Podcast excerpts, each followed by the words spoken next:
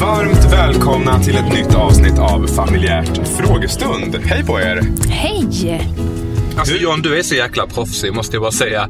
Här sitter jag och äter blåbär och vi kör bil. Ja. Jag håller såklart i mikrofonen för John koncentrerar sig på körningen. Men ändå, här spelar vi in ett poddavsnitt sådär i farten. Ja, och det som, det, som det, eh, det som har blivit nu det är att vi är alla väldigt mycket mitt i, eh, mitt i livet, höll jag på att säga. Vi ska alla hämta barn snart, men vi vill ändå se till att det blir ett frågeavsnitt. Så nu spelar vi in det här lite on the go.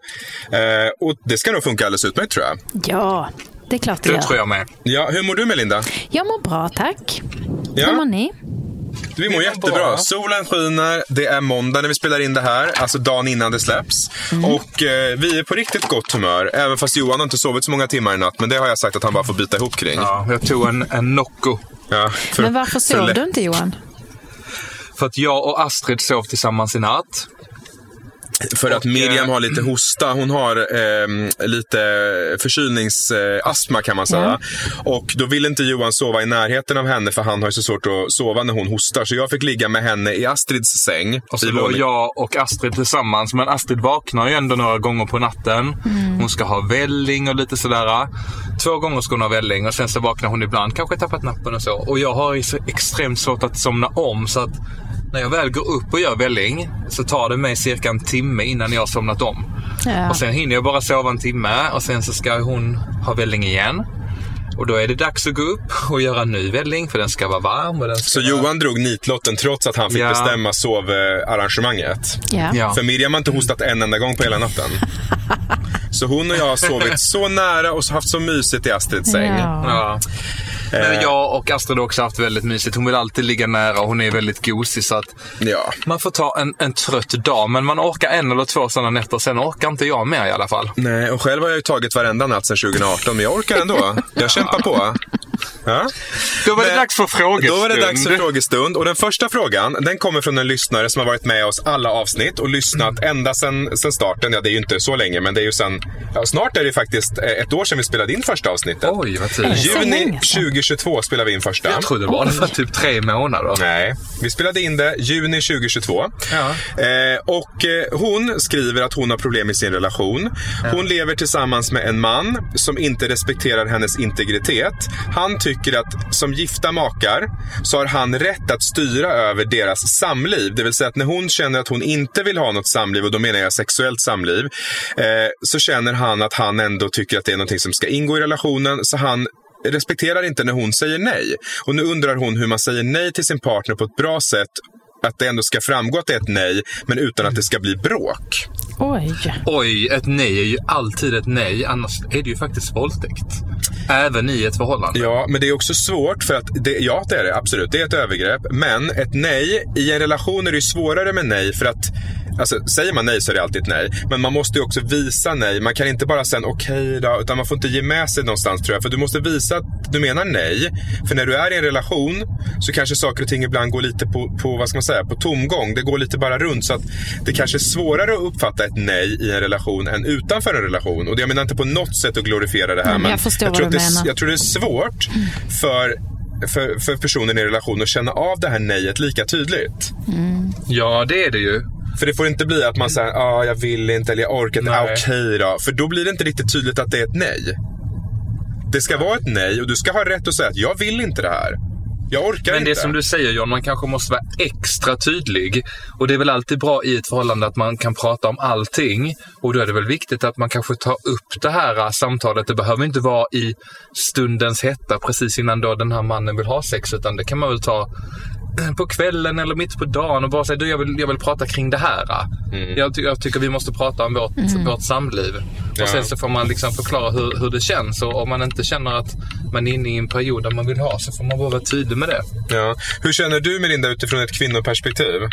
Nej, men jag tyckte det var bra som Johan sa, att man lyfter det vid ett helt annat tillfälle när det inte är så laddat. Ja. Ehm, Men det, det är rätt, jag blir lite så chockad att, att man kan tycka att man liksom äger någon annan på det sättet. Inte bara. Jag, jag läste, ni vet jag gillar ju statistik och, och göra research. Mm. Jag läste att de allra flesta våldtäkter sker i en relation. Ja. Jag kan tänka mig att det är så. Eh, Ja, sen tycker jag också att våldtäkt och sexuellt övergrepp, det, det är väldigt viktigt att påpeka att det är egentligen exakt samma sak. Men det låter ju så, eh, så grovt att säga att de flesta våldtäkter sker inom ett äktenskap eller förhållande. För det är inte så som, många tror ju att en våldtäkt är att man attackerar någon på stan och drar in dem i en buske och sen så har man Ja. sex mot någons vilja. Våldtäkt kan ju också vara precis som det här. Någon säger jag vill ha sex, när en säger jag vill inte och sen så har man det ändå.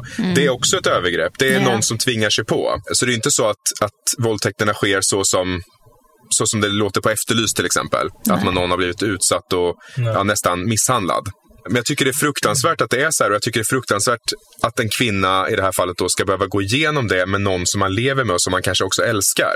Jag fattar Precis. också att det är extremt svårt. Det är väl därför hon också skickar in till podden. Men det enda tipset jag kan komma på så här på rak arm det är att, eh, som vi var inne på, ta det vid ett helt annat tillfälle och alltså undvar tid, eller vad heter det, undvara tid till Ja. att faktiskt prata om det och säga det att det är en sak jag vill att vi ska, vi ska diskutera och jag tänkte att vi skulle ta det i eftermiddag. Hur, hur ser ditt schema ut? Har du tid att sätta dig ner en halvtimme eller en timme så vi kan prata igenom hur jag känner? För då tror jag inte det blir lika laddat, precis som vi var inne på. Nej. Så det är väl ett jättebra tips från oss att försöka kommunicera kring det och försöka ta bort den här liksom jobbiga biten och bara vara ärlig med hur du känner och hur du mår. Precis. Nästa fråga kommer eh, från en, en lyssnare som skriver så här. Hur ställer ni tre er gentemot kemikalier och barn? Eller mot er själva? Till exempel, är barnens tandkräm fluorfri? Tänker ni på E-ämnen i livsmedel, palmolja och så vidare? Köper ni plastleksaker och i så fall är det begagnade plastleksaker? Eller hur tänker ni? Eh, Hon skriver också att jag menar ingenting illa, man får svara precis som man vill. Så det var en nyfiken fråga hur vi tänker kring kemikalier och våra barn. Jag tänker på det lite grann, men det är inte så Mm. att jag lever plastfritt eller att det aldrig förekommer eh, kemikalier eller E-ämnen i maten eller sådär. Men, men jag tänker på det och jag försöker köpa mer träleksaker eh, än plast och jag tittar lite på vilka produkter i affären som har minst E-ämnen och sådär. Men Mm. det, Du är du ändå väldigt medveten. jag är medveten, men Ja. det, det skulle ta för mycket både tid och, och pengar att leva så som jag egentligen önskar. Jag skulle egentligen vilja bara äta eh, närproducerat och ekologiskt och sådär, men det, det, det skulle liksom kosta för mycket. Och, Speciellt när man är en stor familj som ni är. precis, precis. Och, och, sen även vad det gäller liksom leksaker och alla plastprodukter och sådär. Alltså det, det är ett så stort projekt att byta ut allting. Men eh, kanske i en framtid. Men jag, jag är medveten om det. Jag skulle nu säga att du och jag, John, också är medvetna.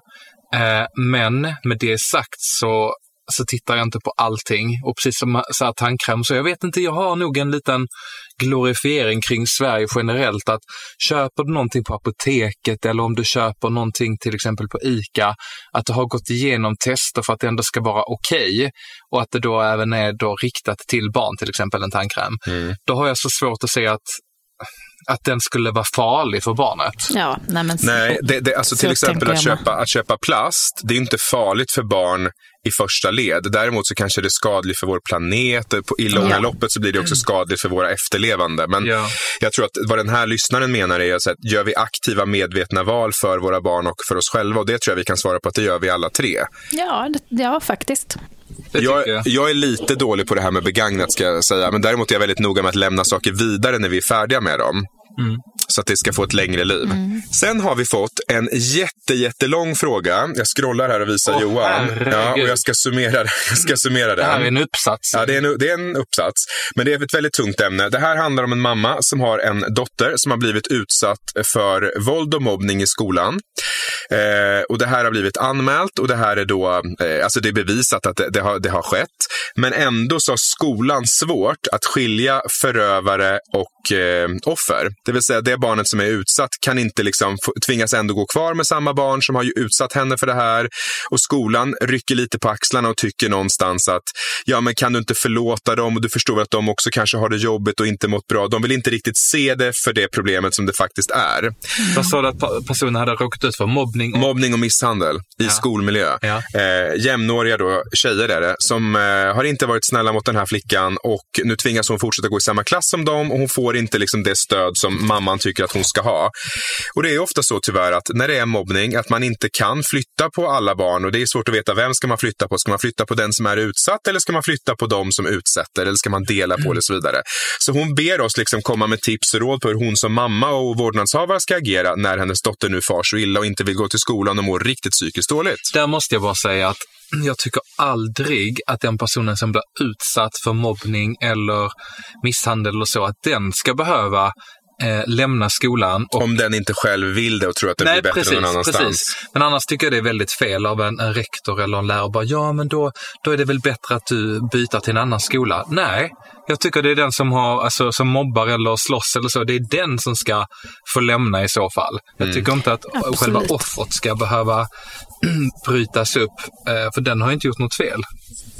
Nej, jag håller, Nej. jag håller med om det. Men det, tyvärr så är det ju ofta tvärtom. Att det är den som är utsatt som ibland kanske själv väljer att göra det. Men, eller tvingas att göra det för att man inte står ut eh, att vara ja. kvar. Och sen är det säkert, det är inte en som har varit eh, elak. Det är säkert, de är kanske tre, fyra, fem, sex. Man vet inte. Det är ja. grupptryck. Och då eh, gör inte skolan så mycket åt det. Nej, men jag tror, och jag tror också det är så här att det kan vara svårt ibland också som, ehm, som skolpersonal att ta tag i sådana här saker. För att någonstans så, om du inte har sett någonting själv, eh, oftast sker ju mobbingen i det dolda. Det, det är ja. väldigt sällan så att den sker öppet i klassrummet så att alla ser. Eh, oftast är det mer någonting som sker på raster eller till och från skolan och så vidare, när eleverna är själva. Det är svårt som lärare att 100% veta vad som har hänt. I det här fallet så var det tydligen bevisat och det var anmält och det var dömt till och med. Men ändå så får inte den här flickan upprättelse eller skydd, eller vad ska man säga. Och då tycker jag. jag. att kommunen brister i sitt ansvar ja. när det kommer till det här med att se, till barnets bästa. Ja. Eh, I alla lägen. Eh, ingen ska behöva vara otrygg i den miljön. Det här blir ju som deras arbetsplats. Det är skolmiljön, det är ju deras arbetsmiljö. Ja. Där ska man inte behöva känna sig otrygg.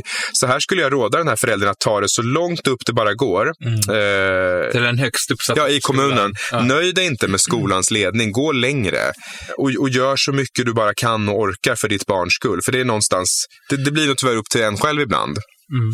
Så att, ja, det är jättesvårt att rekommendera att göra någonting. Vi har ingen egen erfarenhet Nej, av det här. Våra barn är så små så vi har inte kommit dit ännu.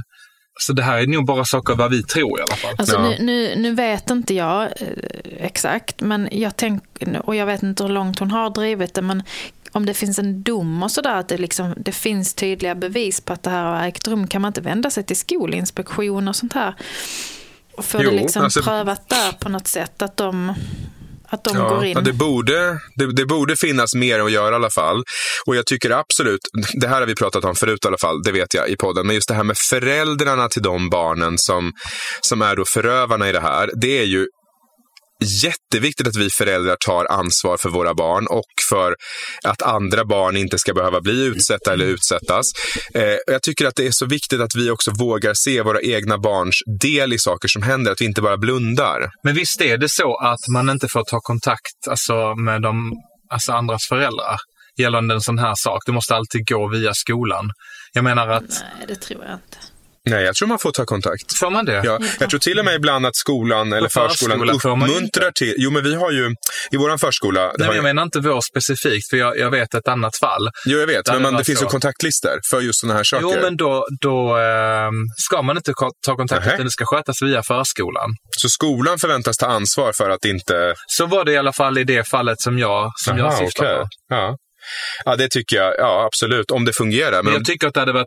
Alltså jag personligen hade gärna velat prata, om vi säger att det hade hänt våra barn ja. Då hade jag gärna velat ta en och lyfta det med, med de andra föräldrarna som det berör. Mm. Och sagt att skulle vi kunna ses och, och prata, prata kring det här så att man hjälps åt så får man ju bara hoppas att det är vettiga föräldrar. Ja. ja, det är svårt i alla fall, för våra barn är det käraste vi har, eller barn är det käraste som finns och man vill ju alltid dem det bästa. Så att, ja, det är en svår fråga, men vi önskar stort lycka till.